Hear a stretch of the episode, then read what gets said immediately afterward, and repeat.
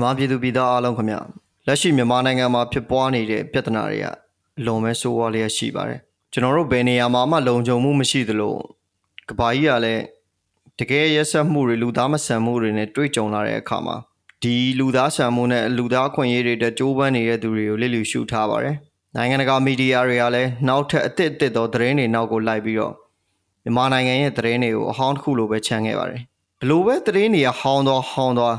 မြန်မာနိုင်ငံမှာဇက်တိုက်ဖြစ်ပွားနေတဲ့ဆိုးရွားရက်စက်မှုတွေကိုတော့မြန်မာပြည်သူတွေကအဆက်မပြတ်ခံနေရဆဲပဲဖြစ်ပါတယ်။နိုင်ငံတကာစာမျက်နှာမှာမြန်မာသတင်းတွေဟာနှဲပါသွားပေမဲ့ကျွန်တော်တို့တော်လန်ချင်းများနဲ့ခေတ်သစ်မြန်မာပြည်ပေါ့ကတ်ကတော့ပြည်သူတွေကပြည်သူနဲ့ဖန်တီးထားတာဖြစ်ပြီးကျွန်တော်တို့မြန်မာနိုင်ငံနဲ့အတူအမြဲတမ်းရပ်တည်သွားမှာဖြစ်ပါတယ်။ကျွန်တော်တို့ပေါ့ကတ်မှာຫນွေဦးတော်လန်ရေးနဲ့ကျွန်တော်တို့မြန်မာပြည်သူပြည်သားတွေရဲ့တော်လန်ချင်းများစွာကို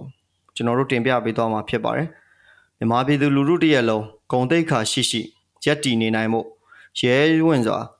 အသက်ဆွန့်ကြိုးပမ်းမှုတိုင်းအတွက်ကျွန်တော်တို့အမြဲတမ်းအားပေးထောက်ခံနေမှာဖြစ်ပါတယ်။ဒါကြောင့်ယနေ့တော်လန်ချင်းများနဲ့ခေတ်သစ်မြန်မာပြည်မှမြန်မာနိုင်ငံရဲ့စစ်မှန်တဲ့လွတ်လပ်ခြင်းအတွက်စေရောကိုပါလှုပ်ဆောင်နေတဲ့သူတွေကိုကျွန်တော်တို့ဒါဖိတ်ခေါ်ပြီးတော့အင်တာဗျူးတော့မှာဖြစ်ပါတယ်ခင်ဗျာ။ဟုတ်ကဲ့ကျွန်တော်တို့ဒေါ်လာညင်းများနဲ့ခေတ်သစ်မြန်မာပြည်မှာအခုလိုမျိုးလာအချိန်ပေးပြီးတော့လာပြီးတော့ဖြေချပေးတဲ့အမိုးကျေးဇူးတင်ပါတယ်အမိုးအဲ့တော့ ဒါမိုးအနေနဲ့ဆိုလို့ရှင်ကလေးတွေလည်းဒါအများကြီးအနာဂတ်နဲ့ပတ်သက်ပြီးတော့ရေရတဲ့အနေအထားမှာရှိရဲအဆင်ပြေတယ်ပေါ့နော်ကိုယ်တိုင်မှာလည်းတကယ်အဆင်ပြေနိုင်တဲ့ဒီစီးပွားရေးလုပ်ငန်းလေးလည်းရှိတယ်ဒီကြားထဲမှာဒီဒေါ်လာရင်းမှာပါဝင်ပြီးတော့ဒါလုံးဝလက်လွတ်ခွက်ကျွတ်အကုန်လုံးဒါဒုက္ခရောက်ပြီးတော့လာခဲ့ရတယ်ဒါပေမဲ့အခုချိန်ထိကိုဒါဘာပြောပြောချမ်းချမ်းမာမာနဲ့စိတ်ကိုရဲရင်ရင်ရက်တည်နေနိုင်သေးတယ်ပေါ့နော်အဲ့တော့ဒီမိုးရဲ့အတွေ့အကြုံတွေနဲ့ ဒီမိုးရဲ့စိတ်နေစိတ်ထားကိုဒါဒီမြန်မာနိုင်ငံမှာရှိတဲ့ပြည်သူတွေကိုအမျှဝေချင်တာပေါ့မိုးဒါကြောင့်ဒါကျွန်တော်တို့တော်လန်ရမြနဲ့ခေတ်သစ်မြန်မာပြည်ကအမိုးကိုဖိတ်ခေါ်လိုက်ရတာပါခင်ဗျာဟုတ်ကဲ့ပါဟုတ်ကဲ့မိုးအဲ့တော့ကျွန်တော်တို့ဒီတော်လိုင်းနဲ့ပတ်သက်ပြီးတော့စာဆုံးမချခင်မှာအမိုးအနေနဲ့ပထမဆုံးမိုးရဲ့ဒီနောက်ခံသမိုင်းကြောင်းလေးနဲ့အမိုးရဲ့ဘဝအကြောင်းလေးကိုတစ်ချက်မိတ်ဆက်ပေးပါအောင်မို့အော်အမိုးက1989ခုနှစ်မှာမိုင်းရှူတော့ရှမ်းပြည်တောင်ပိုင်းမိုင်းရှူဘက်ကနေ ရန်ကုန်ကိုကျောင်းနေဖို့ရောက်လာတာပေါ့နော်အမိုးက1989ခုနှစ်ပေါ့နော်ခုနှစ်သမီးအရွယ်လုံးကရှမ်းပြည်ကနေရှမ်းပြည်မိုင်းရှူဘက်ကနေရန်ကုန်ကိုကျောင်းနေဖို့ဆိုရန်ကုန်ကိုရောက်လာတာပါသူငယ်တန်းနေစတက်ပြီးတော့ဟုတ်95ခုနှစ်မှာကျောင်းပြီးရပါတော့90ခုနှစ်မှာသူငယ်တန်းစတက်တယ် ဟို60ခုနှစ်မှာအဟုတ်ဟုတ်လား90ခုနှစ်90ခုနှစ်ခုနှစ်မှာသူငယ်တန်းစတက်တယ်60ခုနှစ်မှာ10တန်းအောင်တယ်95ခုနှစ်မှာကျောင်းပြီးရပါတော့ပြီးတော့ဟုတ်ကဲ့အိမ်တော်ပြတာတော့94ခုနှစ်ပေါ့နော်1994ခုနှစ်ပါဟုတ်ကဲ့ပြီးတော့ဒီလိုပဲလေသားသမီး၃ယောက်နဲ့မိသားစုဘဝကိုဒီလိုပဲဖြတ်ကျော်လာတာဟုတ်ပါ ဒါပေါ့အမိုးအနေနဲ့ကြတော့ဒါငငယ်လေးကလေးကနေရန်ကုန်ကိုဒါပညာရေးရည်ရွယ်ချက်နဲ့ပေါ့နော်တက်လာတဲ့အနေထားပေါ့နော်အမိုးတို့ဒီ1989ကာလပေါ့နော်89ပြီးအမိုးတို့ကျောင်းတက်နေတဲ့ကာလကြီးဆိုတော့လေဒါ88တွေပါလေကျုံ88တွေပါလေပေါ့နော်အဲ့ကာလလည်းဖြစ်သွားတယ်ဆိုတော့အဲ့အချိန်မှာပြောမှဆိုရင်ဗမာဗမာနဲ့တိုင်းသားပေါ့နော်ခွန်ချက်ဆက်ဆံမှုတွေလည်းအားကောင်းတဲ့အချိန်ကာလဖြစ်တယ်ပေါ့အဲ့တော့အမိုးအနေနဲ့ဒီပညာရေးနဲ့ပတ်သက်ပြီးတော့ကိုစပြီးတက်တဲ့အချိန်မှာဥမာ ကိုယ့်ရဲ့ပတ်ဝန်းကျင်ဒါမှမဟုတ်ကျောင်းပေါ့နော်စေုံစေကန်အစရှိတဲ့ public area တွေမှာပေါ့နော်အမိုးတိုင်းသားဆိုပြီးတော့ကိုဖိနှိပ်ခံရတာတွေအဲ့လိုမျိုးခွဲခြားဆက်ဆံခံရတာတွေရှိလာမို့ဟုတ်အဲ့ဒီရုံကဘာမှမရှိဘူးစန်ဒီစီတွေလည်းအရင်ပေါ်တယ်နော်ဟုတ်ကဲ့မို့စန်တပီမှနှစ်ချက်ခစ်တယ်ပေါ့နော်စန်တအိတ်လုံးမှ56ချက်တည်းဟုတ်မို့အဲ့လိုပဲစက်သားတပိတ်သား25ချက်ပေါ့နော်အစိတ်ပေါ့နော်ရင်တော့ပြောရင်ဟုတ်ဟိုဘယ်ဥဆယ်လုံးဆိုရင်လည်း90ပေါ့နော် 90ဆိုပါ9မူလာအဲ့လောက်ပဲရှိရဲ့ဟုတ်အဲ့လောက်အဲအရန်ပေါ်တဲ့ခေတ်ပေါ့နော်အမိုးတို့တက္ကသိုလ်တက်တာ93ခုနှစ်ဆိုရင်အသွားပြန်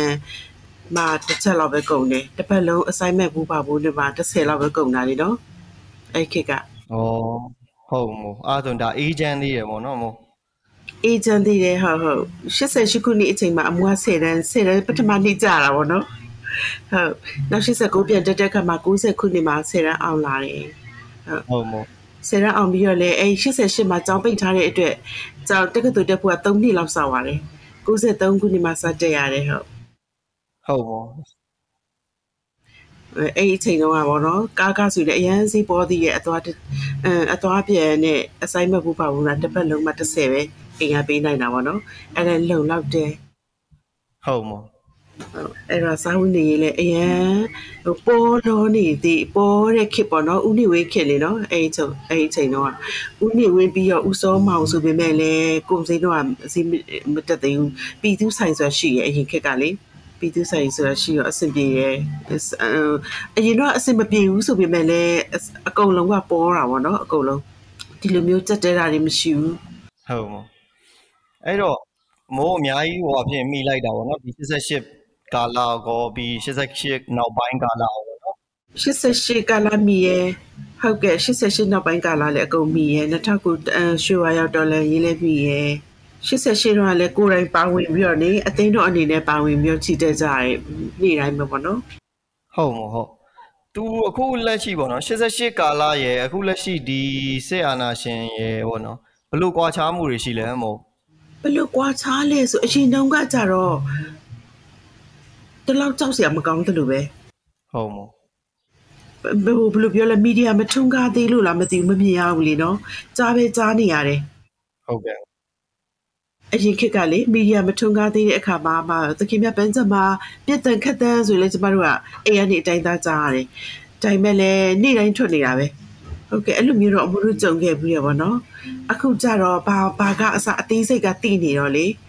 အသေးစိတ်ကအစတိနေတယ်အရင်တော့ဆိုရင်လည်းတိတ်မလုပ်ရဲကြဘူးပြစ်ပြီးခက်ပြီးဆိုတော့နောက်ထွက်နေလူမရှိတော့ဘူးလေနော်တောခုသွားတဲ့လူတွေရဲ့သူတို့ဘာလုပ်လဲဆိုတော့လည်းမမြင်ရဘူး။ဘယ်နှစ်ယောက်တတ်တယ်ဆိုတော့လည်းမမြင်ရတဲ့ခေတ်ပေါ့နော်။အခုကျတော့ဟိုအသေးစိတ်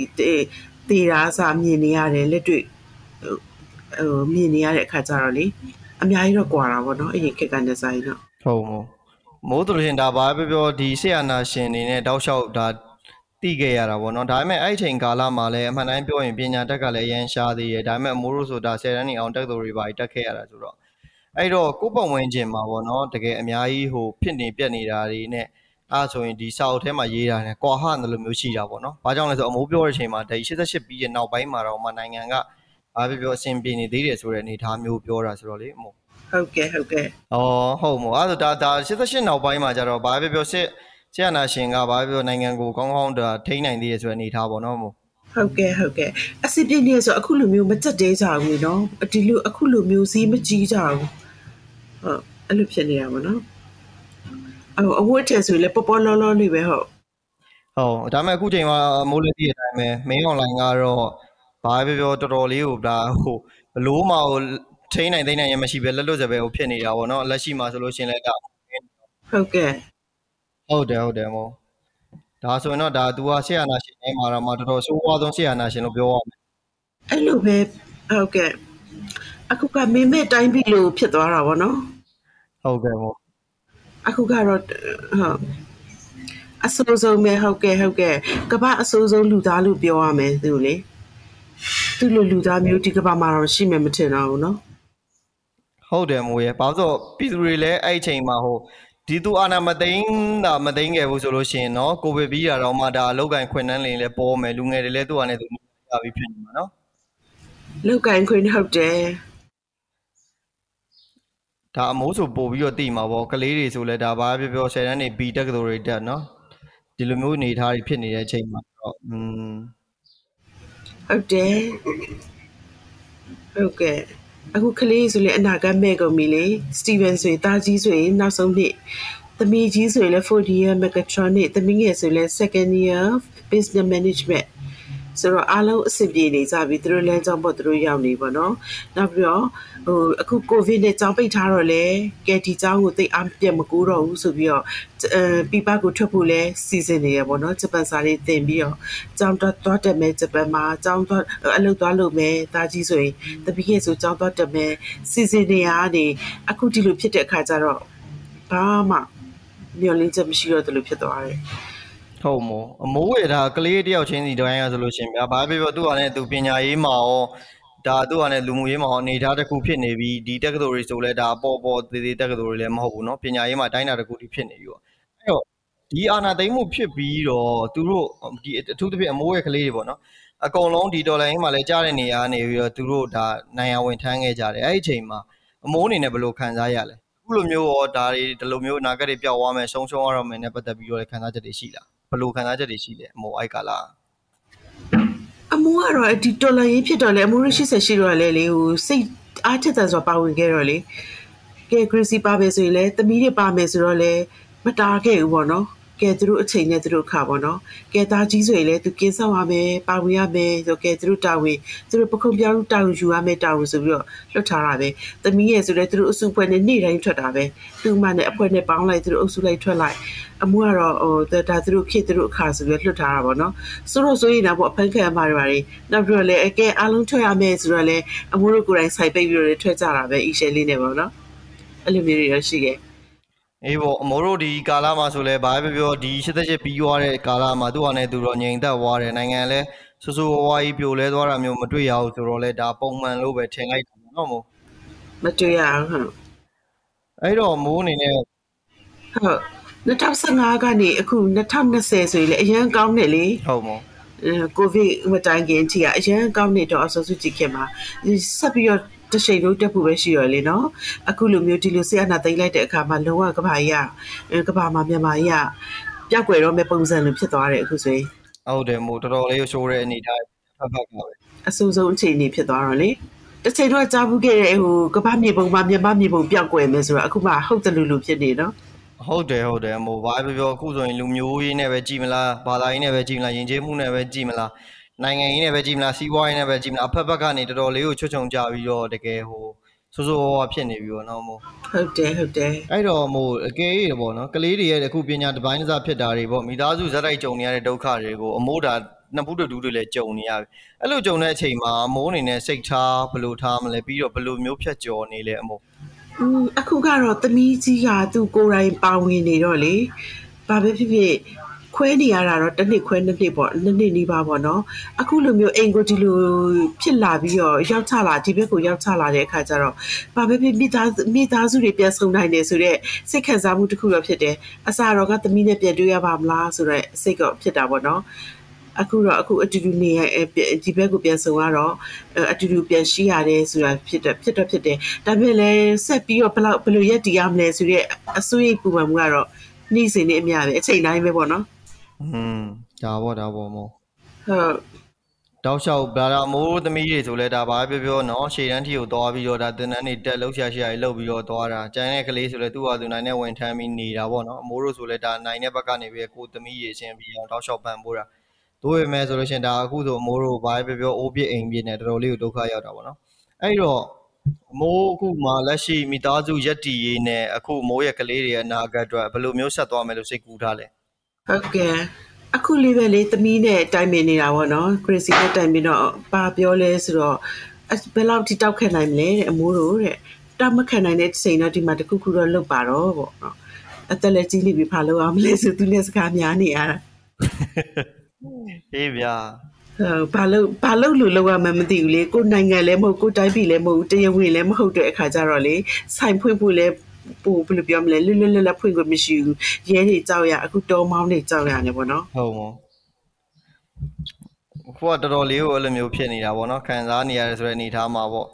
အဲသို့ပေမဲ့ခဏကျွန်တော်တို့ကျွန်တော်အမိုးပြောတာတွေကိုနားထောင်ရင်ဘာသွားမြင်လဲဆိုတော့အမိုးရဲ့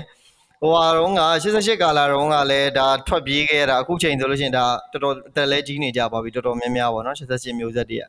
အဲသူတို့ကိုတွေ့ရတယ်ကျွန်တော်တို့ဒီဒီဟိုဘယ်လိုပြောမလဲတတိယနိုင်ငံမှာသွားခင်ပေါ့နော်တခုတနည်းအားဖြင့်ဒုတိယနိုင်ငံပေါ့မလေးတို့ကျွန်တော်တို့ထိုင်းတို့ပေါ့နော်ဘင်္ဂလားဒေ့ရှ်တို့လိုနိုင်ငံမျိုးတွေမှာကျွန်တော်တို့သွားတဲ့ဘာညာတွေ့တဲ့အခါမှာသူတို့နဲ့စကားပြောပြတဲ့အခါမှာကျွန်တော်အမိုးပြောတာတတိရတယ်ပေါ့အရင်တော့မြန်မာပြည်ထဲမှာကြံခဲ့တဲ့သူတွေကလည်းဒါအမိုးတို့ငယ်ငယ်ကလိုပဲပေါ့နော်သူ တို့စိတ်ထဲမှာအော်မြန်မာနိုင်ငံကဒီလိုပဲသူ့ဟာနဲ့သူလည်းပတ်နေတယ်ဒီလိုပဲရက်တီနိုင်အောင်ရုန်းကန်ရတယ်ဆိုတဲ့အနေထားလို့သူတို့တွေးနေပြီးတော့ကျွန်တော်တို့အပြင်ရောက်သွားတဲ့ဒီတော်လန်ရေးသမားတွေတနည်းအားဖြင့်ဒီမြန်မာဆရာနာရှင်ကိုမကြိုက်တဲ့သူတွေကတော့ဒါသူတို့အတွက်ကအခုကျွန်တော်တို့အမိုးတို့ကြုံနေရသလိုအခက်အခဲတွေဒုက္ခတွေနဲ့ဖြစ်နေမှာပဲเนาะမို့ ဟုတ်ဒါပေမဲ့လည်းအခုတစ်ခေါက်ကတော့အရင်တုန်းကလိုကြံခဲ့တဲ့ဗမာပြည်မှာကြံခဲ့တဲ့လူတွေတော့မဖြစ်တော့ဘူး။ပိုဆိုးမယ်လို့ထင်တယ် ဟုတ်မို့ ။ပိုဆိုးမယ်လို့ထင်တယ်နော်။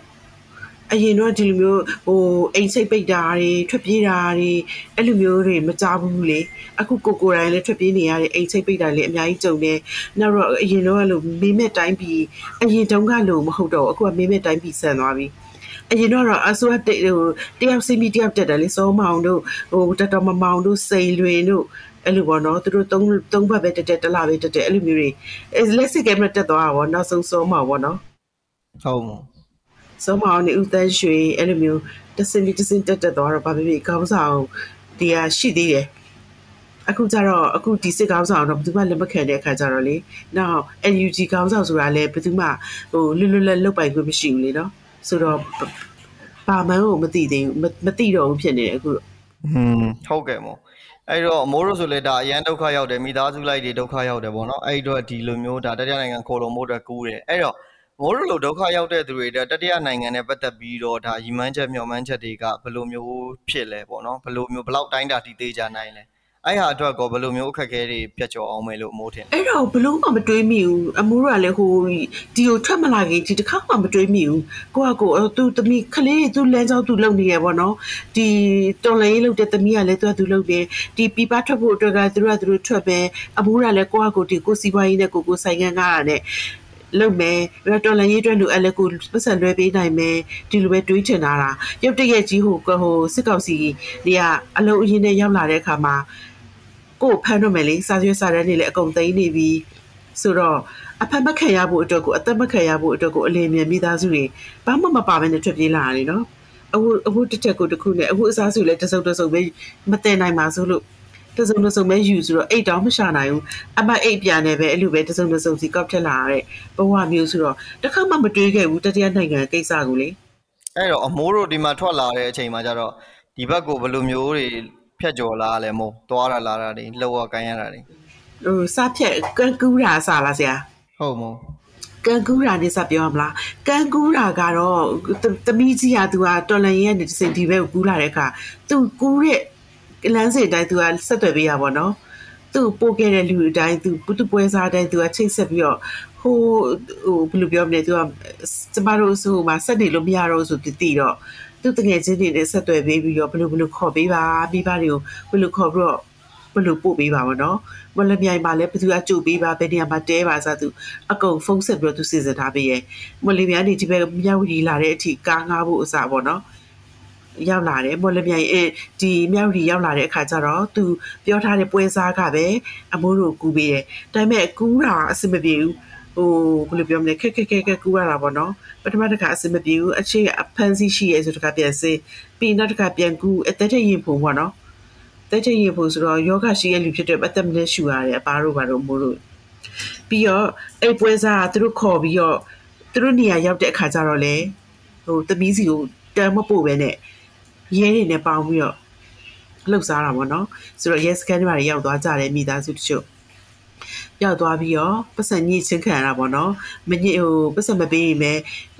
အချုပ်တဲ့ထည့်ပြီးတော့ပမာပြီးပြန်ပို့မလို့လို့အဲ့လိုပြောတဲ့အခါကျတော့အဖက်ခံတဲ့လူတွေကတော့မရှိရှိတဲ့နီးတဲ့ရှာကြံပြီးတော့ဗောနော်ကြံတဲ့မိသားစုတွေကဝိုင်းဝန်းပြီးတော့ကူညီကြတယ် မလို့ရှိပြန်ပို့မယ်ဆိုတော့ဟိုဘက်ကိုကြောက်လို့ထွက်ပြေးလာပါတယ်ဆိုမှတခါပြန်ပို့ခဲ့ရမယ်ဆိုတော့နောက်ပတ်ဆက်နေလည်းအများကြီးကုန်ခဲ့ပြီဆိုတော့ပြန်ပြီးတော့မသွားချင်ဘူးပေါ့နော်အဲ့ဒါပဲမရမကပဲဒီဘက်ကသမီးကြီးရဲ့မိတ်ဆွေတွေနဲ့ဝိုင်းဝန်းပြီးတော့သူတို့ရှာဖွေပြီးတော့ပဲဒီမှာဘယ်လိုပြောလဲနေနဲ့ရလန်ဆိုင်ပုံမူရဲ့ကန်းကူးတဲ့သူတွေဆိုတော့လဲဒါဘာပဲပြောစစ်ကောင်စီရဲ့လက်အောက်ခံ BGF ကလူတွေပဲရှိတယ်ပေါ့နော် ပြီးတော့လဲသူတို့ကကိုကိုပြီးဝိုင်းဒီဘက်ချမ်းမှာရှိနေတဲ့သူကလည်းကိုရီးယားထောက်ထားမှာပါဘူးဒီလိုကူးတာဖြစ်တဲ့အတွက်ထိုင်းရဲနဲ့ပေါင်းပြီးထက်လှုပ်စားအဲ့တော့ကျွန်တော်တို့မိုးတို့လိုလူတွေတောက်လျှောက်ပေါ့နော်အများကြီးပေါ့ခံရတာတွေတောက်လျှောက်ပါပဲအခုဒါအမိုးတို့ဆိုလဲဒါမိသားစုတွေတော့အမိုးတို့ရောဖန်ခံရလားအမိုးဟုတ်ကဲ့အမို့ဘာကြောင့်လဲဆိုတော့ကျွန်တော်ပြောတာလေဒီကမ်းမှာပေါ့လှုပ်ရှားတယ်ဆိုတာလည်းတခြားမဟုတ်ပါဘူးဒီဇိုင်းလည်းမဟုတ်ဘူးဗမာတွေကြီးပဲအမို့ရဲ့ အဲ့လိုမျိုးဆိုတော့ကိုယ့်ရဲ့ဒီအထောက်ထားမပါတဲ့သူတွေပေါ့နော်အထူးသဖြင့်ဒီလိုမျိုးကိုကြောင့်ကိုယ်ကသွားတဲ့သူတွေပေါ်ပဲကောင်းထိုင်းရင်းနဲ့ပေါင်းပြီးအမျက်ထုတ်ကြတာပေါင်းပြီးတော့အဲ့လိုအဲ့လိုအမိုးအမိုးရဲ့မိသားစုဝင်ချို့ကအဖမ်းခံရတယ်ဆိုတော့ဒါပြန်ထုတ်ရပတ်စံတော်တော်ကုန်တယ်အမိုးတို့ရောဖမ်းခံရသေးလားဟုတ်တယ်ဟုတ်တယ်အော်ခုနပြောတာလေးကိုပြန်ဆက်မယ်ဆိုရင်အမိုးရယ်ကျွန်တော်ပြောတာဟိုလူတွေကဒီကမ်းနားမှာရှိတဲ့လူတွေဆိုတာလည်းတခြားလူတွေမဟုတ်ဘူးပေါ့နော် BGF ကလူတွေပြီးရင်ဗမာတွေပဲပေါ့ သူတို့ကပဲအဲ့လိုမျိုးတရမဝင်ကျွန်တော်တို့လိုမျိုးအမိုးတို့လိုမျိုးဒုက္ခရောက်တဲ့သူတွေကိုဒါပြောမယ်ဆိုရင်ဘာပြောပြောအခွင့်အရေးယူတဲ့သဘောဖြစ်သွားတာပေါ့မိုးအဲ့လိုအဲ့လိုတောက်လျှောက်လောက်တာပေါ့အဲ့တော့အမိုးတို့ဒီဘက်မှာရောက်တော့အရှင်ပြေလာအမိုးဘာတွေလှုပ်လို့ရလဲအခုမှကိုဝင်ငွေရဖို့อืมအမိုးတို့ကြတော့ဒီဘက်ရောက်ပြီးရဲ့အချိန်မှာကြတော့လှုပ်ဖို့တော့ဥမာအမိုးတို့ကိုအကူအညီပေးတဲ့အဖွဲ့အစည်းတွေဘာတွေရောရှိလားအမိုး ကူညီပေးမဲ့အဖွဲ့အစည်းဆိုအခုရိတ်ခါပေးတဲ့ OIA လား New Myanmar Foundation လားဟုတ်မောအဲ့ဒါပဲရှိရဲ၃လတခါအခုဆိုရင်ရိတ်ခတ်ပြတ်တင်ရပြီပေါ့နော်ပြတ်လျှောက်ပါပြီအဲ့ဒီဟာဆန်စီဟုတ်ကဲ့ဟုတ်ကဲ့ပေါ့ဆန်စီစာငါတစ်တာတော့ရပါဘောနော်အဲ့ဒါတော့ရှိရဲကျန်တဲ့အဖွဲ့အစည်းကတော့อืมမရှိမြဲအခု R RS RSC လား RSC ကတခါရှိပြီရတာဟုတ်ဟုတ်အဲ့ဒါပဲရှိရဲကျန်တာတော့မရှိဘူးပေါ့နော် အဲ့မှာဟိုမို့ဒီကိုကစီးပွားရေးတွေဘာတွေလုပ်ဖို့အခွင့်အလမ်းတွေဘာတွေရှိလားမို့တေချာလုပ်ဖို့ကိုကဒီမှာဝင်ငွေတစ်ဖက်တစ်လမ်းရဖို့ဒီမှာလုံးဝမရှိဘူးလုံးဝမရှိဘူးစီးပွားရေးလုပ်ဖို့အခွင့်အလမ်းကမရှိဘူးဆိုတာလေဒီဒီကဈေးအခြေအနေနဲ့ကုန်စည်နှုန်းနဲ့ဘလို့မှအဆင်မပြေဘူးမဒီမှာလေဒီပတ်ဝန်းကျင်ကလူတွေက15ဘက်10ဘက်လောက်ပဲသူတို့ကစားကြတော့လေကိုလုံးမဲ့ဟာတွေကဘလို့မှ အာအကျိုးအမြတ်မရှိဘူးအရှုံးပဲရှိရဲဆိုတော့လုပ်ဖို့ကအဆင်မပြေဘူးဖြစ်နေဟုတ်ကဲ့ဟုတ်ကဲ့မို့အဲ့တော့လက်ရှိပေါ့နော်အမိုးတို့ဆိုရှင်ဒါအရင်တုန်းကအရှင်ပြေတယ်နော်စီးပွားရေးတွေပါကြီးလဲကလေးတွေဆိုလဲဒါကျွန်တော်တို့ဒီမှာဆွေးနွေးသလိုပဲပညာရေးဆိုလဲဒါပဲပဲမဟုတ်ဘူးဟိုတကယ်ဘောအာမခံချက်ရှိတဲ့ပညာရေးတွေပေါ့ဒါမဲ့အခုချိန်မှာဒီလိုဒီလိုတွေဖြစ်ကုန်ပြီပေါ့နော်အဲ့တော့အဲ့လိုမျိုးဖြစ် ဒါနဲ့ပတ်သက်ပြီးတော့အမိုးအနေနဲ့ကိုကဘယ်လိုစဉ်းစားမိလဲတခါတလေကျရင်ကိုကနောင်လာရတာမျိုးရှိလားဒါမှမဟုတ်လဲဒီဟာနဲ့ပတ်သက်ပြီးတော့ဘယ်လိုမျိုးကိုခံယူထားလဲအမိုးအခုဆိုရင်ဘယ်လိုပြောမလဲဒီမှာနေနေဖို့အဆင်မပြေပေါ့နော်ပြန်ဖို့လည်းအဆင်မပြေဆိုတော့ရှေ့ဆက်ဖို့လည်းအဆင်မပြေဘူးဆိုရင်တော့ဘယ်လိုလုပ်ရမလဲပေါ့နော်ကလေးတွေကိုပဲအမြဲတမ်းပြောဖြစ်တယ်ဘာလို့လဲဆိုသူတို့ကတော့ပြည့်ရင်ဘယ်လိုမှအဆင်မပြေဘူးအဖမ်းခံရမှာပဲလူငယ်ဆိုတော့လူမျိုးတုံးမခံနိုင်ဘူးပေါ့နော် ဖြစ်စဉ်ဖြစ်အဆင်မပြေဘူးဆိုငါတို့ပဲဟိုမှာပြန်လို့ရင်ကောင်းလားဆိုတာပဲခဏခဏပြောဖြစ်တယ်သူတို့လေဆိုတော့သမီးကဘာပြောလဲပြန်ပြီးတော့တွားရင်တော့အဖမ်းခံရမှာပဲဆိုတာအမြဲပြောတယ်ပေါ့နော်ဒါပေမဲ့လူကြီးတွေအနေနဲ့ကျန်တဲ့ဟာစဉ်းစားစရာနီးလန့်မရှိဘူးလေနော်ဟုတ်ကဲ့မော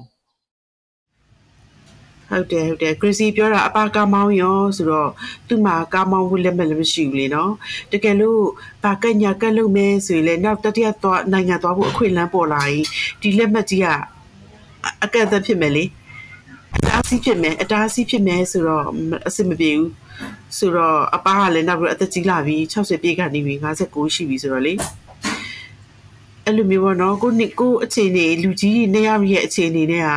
ဒီနိုင်ငံမှာအခုလိုမျိုးတရားမှုဝင်ပုံစံနဲ့အဆင်မပြေဘူးအဲ့လိုဆိုတော့လူကြီးနှစ်ယောက်အတွက်အဆင်မပြေဘူးအဲ့ဒီတော့ဖြစ်ချင်ရဖြစ်ငါတို့ဗမာပြည်ပြန်ကောင်းမလားဆိုတော့ဗမာပြည်ပြန်ရင်တော့ကျင်းတီအဖန်ခံမှာပဲထောင်တော့နေမလားပေါ့နော် crazy ကအမြဲပြောဖြစ်တယ်ဟုတ်တယ်အမိုးရေဘာလို့ဆိုအခုပတ်ဝန်းကျင်မှာလဲတောက်လျှောက်ဒီလိုမျိုးတွေကြားနေရတာတောက်လျှောက်တွေရလဲ အဲ့လိုမျိုးဆိုတော့ဒါအမိုးတို့လိုဆိုရင်မိုးတို့ထက်ဆိုးတဲ့သူတွေရောမိုးတို့လိုဒုက္ခရောက်တဲ့သူတွေရောအမိုးရစုံနေတာပဲအဲ့တော့อืมလက်ရှိလက်ရှိပေါ့နော်ဒါကျွန်တော်တို့ဒါမျိုးသားညီညွတ်ရေးအစိုးရမျိုးသားညီညွတ်ရေးအစိုးရနဲ့ပတ်သက်ပြီးတော့အမိုးအနေနဲ့ဗာမျှော်လင့်ချက်ရှိလဲမို့အမျိုးသားညီညွတ်ရေးအစိုးရအနေနဲ့။ ဘာမျောလင့်ချက်ရှိလဲဆိုကျွန်မအမိုးတို့အနေနဲ့ဒီမှာအစီမပြေမဲ့အတူတူပေါ့နော်။သူတို့စီကဟိုထောက်ခံချက်ရပြီးတော့ပို့ပို့ပေးလို့မရဘူးလားပေါ့နော်။ကျမတို့လေဟို recommendation letter လေးမရနိုင်ဘူးလားပေါ့နော်။အဲအဲ့ဒါလေးတော့မျောလင့်ချက်မျောလင့်တယ်။ဘာဖြစ်ဖြစ်ဒီမှာအစီမပြေမဲ့အတူတူတော့သွားချက်တယ်လေနော်ဆရာကြီး။ဟုတ်တယ်နော်မို့ဒါမဲ့လည်းလက်ရှိမှာတော့ကျွန်တော်တွေ့ရသလောက်ပေါ့နော်ဒီမျိုးသားညီညွတ်ရေးဆိုရကသူတို့အာမခံပို့ပေးနေတာ အဲဥမာအလှငွေရှာနိုင်တဲ့သူမျိုးတွေပေါ့နော်ဒါမှမဟုတ်နာမည်ကြီးတဲ့သူတွေအဲပြီးရင်ကျွန်တော်တို့ UNHCR မှာလည်းလက်ရှိတွေ့ရမြင်ရသလောက်ဆိုလို့ရှိရင်တကယ်နာမည်ကြီးတွေအဲ့လိုမျိုးတကယ်ဟိုဘယ်လိုပြောမလဲဥမာမယ်တွေပေါ့နော်မယ်တွေရုပ်ရှင်မင်းသားတွေပြီးရင်တကယ်စီးပွားရေးသမားတွေအစရှိသဖြင့်ပေါ့တကယ်နာမည်ကြီးတဲ့သူတွေလောက်ပဲပို့ပေးနေတာတွေ့ရတယ်ပေါ့တောင်တောင် တို့ဒုက္ခရောက်နေတဲ့သူတွေဘယ်လိုပဲဘာဖြစ်ပါတယ်ညာဖြစ်ပါတယ်ပြောပြောဒီလိုပဲကိုယ့်ဘာကိုကြည့်ပြီးအဆင်ပြေအောင်နေရတယ်ဆိုတော့ဖလိုမျိုးဖြစ်နေတာပေါ့မို့ရအဲ့လိုဆိုတော့သူတို့ဘာမျောလေးရမှန်းတော့မသိတော့ဘူးเนาะအအတိရှိရဲဟိုဟိုစာလွတ်တော့အမတ်တွေပေါ့နော် အဲ့လိုမျိုးမေးကြည့်လိုက်တဲ့အခါကျတော့အဆက်အသွယ်တော့မလုပ်တော့ဘူးဟုတ်တယ်မို့ဟုတ်တယ်ဘာကြောင့်လဲဆိုတော့သူတို့ကျွန်တော်တို့အဲ့ဒါကဒီအရင်ဘက်ကျွန်တော်တို့ရွေးကောက်ပွဲကာလကိုပြန်ရောက်သွားစေတယ်ပေါ့နော်။ ဘာကြောင့်လဲဆိုတော့ရှေ့ပိုင်းကာလမှာကျွန်တော်တို့ကဒေါ်စန်းစုကြည်ကိုပုံအများကြီးယုံကြည်မှုရှိကြရဲ့ပြီးတော့ဒီ9နှစ်တာကာလ2015-20အထိကိုကြည်ကြရဲ့ဒါတွေကြောင့်နောက်ဆုံးကိုမျိုးနေကဒီလွတ်တော်အမတ်ကဘယ်သူမှတော့မသိတာတော့မဲပေးရတဲ့မဲပေးခဲ့တဲ့ကျွန်တော်တို့ရဲ့ဒါပြောမယ်ဆိုရင်ညံ့ဖျင်းမှုတွေပဲပြောရမှာပေါ့မို့ရဲ့တကယ်တာဝန်ယူနိုင်တဲ့သူတွေအလုံးမလုံးတဲ့သူတွေကနေရာရပြီးတော့ဘယ်ပါတီကတော့ဘယ်သူနဲ့တီးလို့ပါအဲဘယ်မှာတော့ဘယ်လိုပါရှိလို့ပါဆိုတဲ့အကြောင်းပြချက်မျိုးစုံနဲ့ ကျွန်တော်တို့ဒီမြန်မာနိုင်ငံရဲ့နိုင်ငံရေးလောကကိုနေရာယူလာတဲ့သူတွေသူတို့နေရာရလာတဲ့အခါမှာသူတို့လွတ်တော်မှတ်ဖြစ်လာတဲ့အခါမှာအခုခုနအမိုးပြောသလိုပေါ့ဘလို့မှဘလို့နီးနဲ့မှအားကိုးလို့မရတော့တာပေါ့နော်သဘောပြောရတော့ဟုတ်တယ်ဟုတ်တယ်ဟုတ်တယ်ဟုတ်မို့တောင်းပါပါတယ်မိုးအမိုးရီတာမဟုတ်ပါဘူးသူတို့ရဲ့ဒီဟိုဘယ်လိုပြောမလဲစိတ်နေစိတ်ထားပေါ့မိုးရဲ့အဓိကတော့ နောက်ဆုံးကိုမလုပ်ပေးနိုင်ဘူးဆိုရင်တော့မှပဲကဲအမိုးဒီလိုဒီအကြောင်းတော့ရှိတယ်ဒါမျိုးလေးတော့ကျွန်တော်ကျမတော့လုပ်ပေးလို့မဖြစ်နိုင်ဘူးပေါ့နော်မရဘူးအဲ့တော့ဒါမျိုးလေးဆိုရင်ရောဆိုတဲ့ဟာမျိုးလေးဖြည့်ရမှာမို့ရဲ့ဟုတ်ကဲ့ဟုတ်ကဲ့မို့ဘယ်ယုံကြည်ချက်ရှိတော့မလဲမို့မလွယ်တော့ဘူးပေါ့အများကြီးတော့ဝိုင်းပြောကြတာပေါ့နော်ဘာတွေဝိုင်းပြောလဲဆိုတော့ဟိုနိုင်တဲ့ဘက်ကယုံဖို့ကံဖို့လှုပ်ဖို့ကင်ဖို့ဒီချိန်မှာလဲအမိုးနဲ့အမိုးကျွန်တော်တို့အခုပြောနေမေးနေသလိုပဲပေါ့လက်ရှိမှာ ဘာလို့လို့ဘာကံရမှန်းတော့မသိတော့တဲ့အချိန်တွေမှာပထမဆုံးတော့ကိုကိုကိုပြန်တီဆောက်နေရတဲ့အချိန်ကာလဖြစ်နေတော့ဟုတ်တယ်ဟုတ်တယ်ဟုတ်တယ်ဟုတ်အာကိုလို့မရအောင်ကျမပြောတယ်လေကျမတို့ဒီရောက်နေအရန်ခက်ခဲတယ်ပြန်လို့လည်းမဖြစ်ဘူးအဲ့ဒီတော့တတိယနိုင်ငံတော့ recommendation letter လေးပေးနိုင်မလားဆိုတဲ့အဲ့ဒီနေရာစာပြီးမဆက်သွယ်တော့ဘူးလေအဲ့လိုမျိုးဖြစ်တော့ဘာလို့မနော်မသိဘူးအခုလူမျိုးကြားကြားသမျှအစစ်မပြေတော့သူတို့တော့ပြောသေးဟဲ့မကြခင်အောင်တော့မယ်မလား ဆိုတော့မအောင်သေးအများကြီးကြံသေးရဲ့အနည်းတော့နီးပါပြီဒါပေမဲ့စစ်သားတွေအများကြီးကြံသေးရဲ့သူတို့ပြောတယ်ကိုရီမြေသားတော့တနေ့တနေ့တရားနီးပါးသိရဲဆိုမကြခင်ကုံတော့မယ်ပြီးတော့မယ်ပေါ့နော်အာအများကြီးရှိသေးရဲ့တဲ့စစ်သားတွေအများကြီးရှိသေးရဲ့ဆိုတော့ဆိုတော့မပြီးနိုင်တော့ဘူးလားပေါ့နော်သူတို့ပြောတဲ့2023မှာတနေ့အတွင်းပြီးမယ်ဆိုတော့ဖြစ်နိုင်မှာမလားဟုတ်တယ်ဘလူးမဘလူးမကိုတိုင်းပြည်တွေဘလူးဘလူးပေးဘူးဆိုတာဘလူးအဆလုပ်တော့အဆလုပ်တော့မလဲ ပြန်လုပ်တော့မလဲအခုချိန်တွေကကိုကကိုတော့အနန္နိုင်နော်ရိတ်ခါပေးလို့တော့ထမင်းလေးစားနေရတာဆိုတော့လေဟုတ်ကဲ့မို့အဲ့လိုမျိုးပေါ့အမိုးရဲ့နေရာတွေနဲ့အချိန်တွေနဲ့ပေါ့နော်အဲ့တော့အခုပတ်ဝန်းကျင်မိုးတို့ပတ်ဝန်းကျင်မှာရောလက်ရှိဒီတော်လိုင်းနဲ့ပတ်သက်ပြီးတော့ကိုပါဝင်နိုင်ဖို့အတွက်အခွင့်အရေးပေးတာမျိုးတွေပါရှိလားဥမာထားပါကလစ်ဖို့လို့ဥမာဒီသူတို့စော်တာတွေပေါ့နော်ပြီးရင်တခြားဒီနိုင်ငံနဲ့ပတ်သက်ပြီးတော့ထိရောက်အောင်လုပ်ဖို့လုပ်နိုင်ဖို့အတွက်တိုက်တွန်းတာတွေပါရှိလားအမိုး อืมတိုက်တုံးမဲ့လူတွေလည်းဒီပတ်ဝန်းကျင်မှာမရှိတော့ဘူးအားလုံးကကိုယ့်ဟာကိုယ်မနေရုံးကန်နေပြီးတော့လေဘက်လို့ရင်ကောင်းမလားအလုပ်လုပ်ရင်ကောင်းမလားဘာလုပ်ရင်ကောင်းမလဲဆိုတဲ့စိတ်ကြနေတဲ့လူတွေပဲများနေရအခုဒီမှာလေအဲ့တော့ကျွန်တော်ကဒါကျွန်တော်တို့ဒေါ်လာညင်းများနဲ့ခက်တဲ့မြန်မာပြည်ပေါ့နော်ဒီပေါ့ကတ်ကနေပြောချင်တာတော့ဒါစိတ်တက်ကြရတယ်ဆိုတာတော့တဘာဝကြတယ်ပေါ့မိုးရဲ့ဘာကြောင့်လဲဆိုတော့ဒါမိုးတို့ဆိုလဲဘာပဲပြောအစသရရဟိုဘယ်လိုပြောရုံးကန်တဲ့အနေအထားဖြစ်သွားတာဟိုကိုအနေအထားတစ်ခုကနေပြီးတော့ တစ်ကနေမဟုတ်ပဲတုံညတောင်ပြန်ဖြစ်သွားတဲ့အနေအထားဖြစ်တာပေါ့ဘာမှဘယ်လိုမှဖြစ်လို့မရတဲ့အနေအထားဟုတ်ကဲ့ဟုတ်ကဲ့ဟုတ်တုံညပြန်ဖြစ်သွားတယ်လေဟုတ်ကဲ့အစားတော့ဆိုရင်နေစရာအတွက်ပတ်စံမကုန်ဘောနော်အခွက်စားဖို့မပြောနေနေဘူးအတွက်နေထိုင်ဖို့အတွက်နဲ့ရဲကတ်အတွက်ကို9000 6000ရှိမှရတယ်ဆိုတော့စားဖို့ကတော့ဖြစ်တယ်လို့ပဲဟိုပြိတ်ခါပဲစားပါအောင်နော်နေထိုင်ဖို့က6000လောက်ကုန်မှရတယ်ဆိုတော့လေတော်တော်ခက်ခဲတယ်ဟုတ်အဲ့ဒါအဲ့ဒါတွေပေါ့နော် အဲ့လိုမျိုးတွေအနေထားတွေဖြစ်နေတော့လူတိုင်းကလည်းတကယ်ဒုက္ခရောက်အကုန်လုံးကလုံးမန်းလာတယ်ဆိုတဲ့အနေထားမှာဒီလိုဖြစ်အောင်လဲခက်ခဲအောင်လဲဒါစစ်တပ်ကလည်းလုံမှာပဲပေါ့နော်အကယ်၍ဒါဒီပွဲမှာကျွန်တော်တို့ရှောင်းသွားပြီဆိုလို့ရှိရင်အမိုးတို့ကျွန်တော်တို့ကနေထိုင်တာတပုံဖြစ်မှာနိုင်ငံကိုဘယ်လိုဒုက္ခပေးတဲ့လူတွေပေါ့နော်ဒီကောင်တွေဟုတ်တယ်ဟုတ်တယ်ဟုတ်တယ်ဟုတ်တယ်အမိုးကြီးအဲ့တော့မဖြစ်မနေနဲ့နိုင်မရမှာဆိုတော့ဘယ်လိုလုပ်ကြရင်ကောင်းမလဲမို့ဟုတ်တယ်ဟုတ်တယ်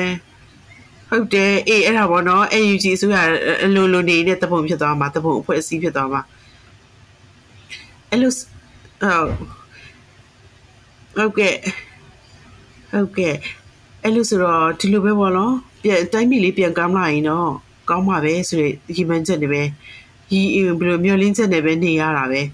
နောက်တော့ဆရာတို့အနေနဲ့လည်းအခုလိုမျိုးအမိုးတို့လိုလူမျိုးအသက်ကြီးရဲ့လူမျိုးပေါ့နော်ဒီလိုခက်ခဲနေတဲ့လူမျိုးတွေဆရာတို့အဖွဲ့အစည်းအနေနဲ့ဗာများအကူအညီပေးနိုင်မလဲလို့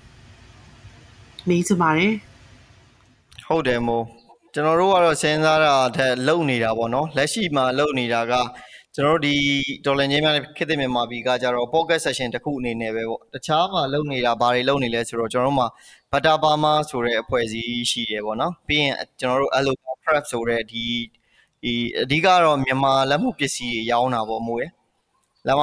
မြန်မာလက်မှုပစ္စည်းတွေရောင်းတယ်ပြီးွားရင်အဲ့ butter farmer မှာဆိုလဲကျွန်တော်တို့ဒီမြန်မာနုပညာရှင်တွေရဲ့ပကြီးတွေပြီးရင်တခြား foreign ရဲ့ ပကြီးဆိုတော့အမိုးရသူတို့ဆွဲထားတဲ့ပုံတွေ donation တွေပါပဲဒါပေမဲ့အဲ့ဒါတွေကိုလေလံနေပြီးပြန်ရောင်းပေးတာမျိုးတွေပြီးရင်ဒီ offer လက်ခံပေးတာမျိုးတွေရသမျှဒီဟာရဲ့ percentage အကုန်လုံးကိုဒီကျွန်တော်တို့ charity အဖွဲ့အစည်းပေါ့အဲ့မှာအဖွဲ့အစည်းမှာလုပ်နေတဲ့သူတွေကိုသူတို့ဒါလာစာသဘောမျိုးမဟုတ်ဘဲနဲ့ပေါ့နော်သူတို့ဘယ်လိုပြောမလဲအရှင်ပြနိုင်တဲ့ amount တစ်ခုပြန်ပေးတယ်ပြီးရင်ပိုသမျှ ပတ်စံအကုန်လုံးကိုခုနအမိုးပြောသလိုကျွန်တော်တို့ဒါ humanitarian aid လို့ခေါ်တဲ့လူသားချင်းစာနာမှုအကူအညီနဲ့ပတ်သက်တာအကုန်ပေးတယ်အထူးသဖြင့်ကတော့လောလောဆယ်မှာစကိုင်းစကိုင်းဒေသမှာဆိုလို့ရှိရင်အိမ်မီးရှို့ခံရတဲ့လူတွေရှိမယ်အမိုးရပြီးရင်ကျွန်တော်တို့ကလုံးဝထမင်းငတ်တဲ့သူတွေရှိမယ်အဲ့လူတွေအတွက်ကျွန်တော်တို့ကရိတ်ခါနဲ့ဒီဟိုယာယီအိမ်ကြီးစောက်ဖို့အတွက်အဲ့ဒါတွေစီစဉ်ပေးတယ်နောက်တစ်ချက်ကဒီကျွန်တော်တို့အဖြစ်ကတော့ဒီဘယ်လိုခေါ်မလဲကျွန်တော်တို့ migrant မဟုတ်ဘဲနဲ့ နိုင်ငံရေးခိုလုံသူမဟုတ်ဘဲနဲ့ကျွန်တော်တို့ refugee ပေါ့စစ်ရှောင်ပေါ့စစ်ဖြစ်တဲ့ဒေသတွေမှာရှောင်တဲ့ကလေးတွေနဲ့ပတ်သက်တဲ့ပညာရေးနဲ့ပတ်သက်တဲ့ဒီငွေကြေးပံ့ပိုးမှုတွေဒီဟိုဟာတွေအဲ့ဒါတွေပြောမလဲပညာရေးထောက်ကူပစ္စည်းတွေပေါ့နော်အဲ့ဒါတွေကိုတောက်လျှောက်ပံ့ပိုးပေးတာမျိုးတွေတော့ရှိနေမို့အခုကျွန်တော်တို့စိတ်ပိုင်းဆိုင်ရာနဲ့ပတ်သက်ပြီးတော့လည်းအဓိကအခုနအမိုးပြောသလိုပေါ့တကယ်မျောလင်းချက်မဲ့တယ်ကိုယ်စိတ်ဘာဆက်လို့လို့လို့မှမသိဘူးဆိုတဲ့လူတွေကအခုလက်ရှိမှာအယမ်းများတယ်ပေါ့အမိုးရဲ့ အဲ့လိုနေသားမှာဆိုလဲသူတို့ကို mental health ဒီစိတ်ပိုင်းဆိုင်ရာနဲ့ပတ်သက်ပြီးတော့ပို့ပြီးတော့ကြန့်ခိုင်လာအောင်ပေါ့နော်ကြန့်ခိုင်ကြမ်းမာလာအောင်ဝိုင်းပြီးအားပေးတာမျိုးဒီလိုမျိုး plan တွေတော့ရှိတယ်လှုပ်လဲလှုပ်နေတယ်ပေါ့နော်ထပ်ပြီးတော့ share ဖို့ plan တွေလည်းရှိတယ်မို့ဟုတ်ကဲ့ဟုတ်ကဲ့ဆရာတို့ဖွဲ့စည်းအနေနဲ့လည်းဒီလိုတွေ့ကြုံနေရတဲ့ခက်ခဲနေတဲ့လူတွေကိုလည်းတတိတရားနဲ့ဟိုအခွင့်အရေးကြုံလာရင်လည်းအကူအညီပေးပါလို့တောင်းဆိုပါတယ်နော် ဟုတ်ကဲ့မို့လုတ်ပေးပါတယ်တကယ်လဲဟိုမိုးတို့ဆိုလဲဘာပဲပြောကိုတကယ်လေးစားပါတယ်ဘာလို့ကိုလက်ရှိမှာအခုလက်ရှိမှာဆိုမိုးရမြန်မာနိုင်ငံနဲ့ပြန်ကြည့်လိုက်ကြည့်လိုက်ဆိုလို့ရှိရင်ဒါကိုဘာမှမဟုတ်တဲ့လူတော်မှပဲသူတို့ရဲ့နေရာလေးရပိုင်ဝင်လေးဆုံးရှုံးမှကြောက်တယ်ပြီးတော့ဗောနော်တောက်လျှောက်သူတို့ရဲ့ဒီဘယ်လိုပြောမလဲအစားအရာပေါ့ဆုံးရှုံးရမှကြောက်တယ်ဆိုတဲ့စိတ်လေးတစ်ခုနဲ့သူတို့ရဲ့ကြောက်စိတ်လေးတစ်ခုနဲ့ဒီအာနာရှင်လုံးသမျှကိုလည်းဒါကြိတ်မိတ်ခေါင်းငင်းခေါင်းငုံပြီးတော့ခံတာပေါ့နော်နောက်တစ်ခုကငါမိသားစုဘာမှမဖြစ်ပြီးရောဆိုတဲ့ စိတ်တွေနဲ့ဆက်သွားနေတဲ့သူတွေလည်းတပုံတစ်ခေါင်းကြီးတွေ့ရတာဒီလိုဟာမျိုးတွေကြောင့်ကျွန်တော်တို့ရဲ့တော်လိုင်းကြီးကမကြတင်ပဲလဲကြန့်ကြာနေရလေပါတာပေါ့နော်ဟုတ်ကဲ့တချို့တွေကြတော့လေဘာမှမဖြစ်ပါဘူးဆိုနေနေနေပဲအဖမ်းခံရတာရှိရလေပစ္စည်းနှမျောပြီးတော့နော်ကိုပစ္စည်းအသိခံကိုပစ္စည်းတွေထားခဲ့ရမှာဆိုပြီးတော့ကုတ်တွယ်နေတဲ့ခါကျတော့လေအိမ်ရောမိသားစုရောအသိခံပြီးတော့အဖမ်းခံရတာတွေတဲမိသားစုတွေလည်းရှိရလေ။ အမိုးတို့ကတော့အဲ့လေလူကတော့သားသမီးတွေတော့အဖက်မခံနိုင်ဘူးအဆုံးရှုံးမခံနိုင်ဘူးပစ္စည်းပဲထားရင်ထားခဲ့မယ်ဆိုပြီးတော့ရောက်ချလာတာပေါ့နော်ကောင်းတယ်ကောင်းတယ်အမိုးဒါတကယ်ဟိုဘယ်လိုပြောမှန်ကန်တဲ့ဆုံးဖြတ်ချက်ပါပဲဘာလို့ဆိုစစ်ကောင်စီလက်အောက်မှာမိုးရဲတာမန်လူတယောက်အနေနဲ့တော့အရှင်မပြေတာကိုသူတို့ရဲ့အမြင်မှာသူတို့ဆန့်ကျင်တဲ့သူလို့တတ်မှတ်ပြီးတော့ဖမ်းသွားမယ်ဆိုရင်တော့ဒါဘလို့မှတွေးရတဲ့အကြောင်းမရှိဘူးဟုတ်တယ်ဟုတ်တယ်နောက်တော့သူတို့သူတို့လာတော့လည်းပြောခဲ့စကားတစ်ခုမှရှိရလေ သူတို့ပြောခဲ့တဲ့စကားတစ်ခုမှရှိရဲသမီးကိုပြမအဲ့လို့ရှိရင်မိဘတွေခဲရမယ်ပေါ့နော်သမီးအလူလူလူပါလို့ဖြစ်သွားတာပေါ့နော်သမီးသားသမီးမကောင်းမိဘကောင်းဆိုပြီးတော့လေသမီးရဲ့အပြည့်အတိမ်နဲ့ပုံမတည်ပြီးတော့ခံမှုအတွက်ကိုဟိုပြက်လာအခိုင်းတာပေါ့နော်မအနိုင်မိဘတွေကကိုစားခံရမယ်ဆိုတော့ အမခံနိုင်ဘူးလေဟုတ်တယ်အမို့အမှန်တကယ်တော့အဲ့လိုမျိုးဒါသားသမီးသားသမီးပြဖို့မိဘခံခိုင်းနေဆိုတာသူတို့ရဲ့ဘယ်လိုပြောမလဲစီးလွတ်ပေါင်းလို့ပေါ့နော်ဥပဒေမဲ့တာတွေစီးလွတ်စီးလွတ်ပေါင်းလို့လေတတ်မှာပဲလေနော်မြင်တော့တတ်ဖက်ပြီးတော့တတ်မှာပဲအဲ့ဒါကိုပြောတာမို့ဒါကြောင့်လဲဆိုတော့သူတို့ကကျွန်တော်တို့ပြည်သူပြည်သူလို့တတ်မှတ်တာမဟုတ်ဘဲနဲ့သူတို့ကိုဒါဆန့်ကျင်တဲ့သူတနည်းအားဖြင့်သူတို့ရဲ့ဒါလုံးဝရန်သူလို့တတ်မှတ်ထားတာအဲ့အတွက်ဘလို့ချေမောရမလဲဘလို့နှိပ်ကမလဲဆိုတော့အတွေးပဲသူတို့မှရှိရပေါ့နော် သူတို့ရဲ့အတွေးမှာဘာကြောင့်ငါတို့ဆန့်ကျင်တာလဲဆိုတဲ့အတွေးမျိုးလုံးဝမရှိတာကိုအံ့ဩပါတယ်မို့ရဟုတ်တယ်ဟုတ်တယ်ဟုတ်ကဲ့ပါမို့အဲ့တော့အမိုးဒါဘာပဲပြောပြောပေါ့နော်အမိုးရဲ့အကြောင်းတွေကိုဒါနားထောင်နေတဲ့သူတွေလည်းရှိရပေါ့တေချာတာသူတို့အနေနဲ့လည်းစဉ်းစားပြီးတော့မိုးပြောသလိုနိုင်တဲ့ဘက်ကနေလည်းသူတို့နိုင်တဲ့အကူအညီတွေကိုဒါအကူအညီပေးမှာလို့လည်းဒါကျွန်တော်တို့လည်းယုံကြည်ပါတယ်အမိုးကျွန်တော်တို့လည်းအမိုးပြောသလိုနိုင်တဲ့ဘက်ကနေပြီးတော့ကိုတက်နိုင်တဲ့လောက်အကောင်းဆုံးစူးစမ်းပေးနေပါမယ်အမိုး ဟုတ်ကဲ့ကျေးဇူးတင်ပါတယ်ဟုတ်မို့အဲ့တော့အမိုးရဲ့အကြောင်းနေနားထောင်နေတဲ့သူတွေအတွက်ကောအမိုးဘာများပြောပြပေးခြင်းပါလဲခင်ဗျာပြောရရှိတာလေးပြောပြပေးလို့ရပါတယ်အင်းအားလုံးကတော့ဒီလိုပဲလေအားလုံးတ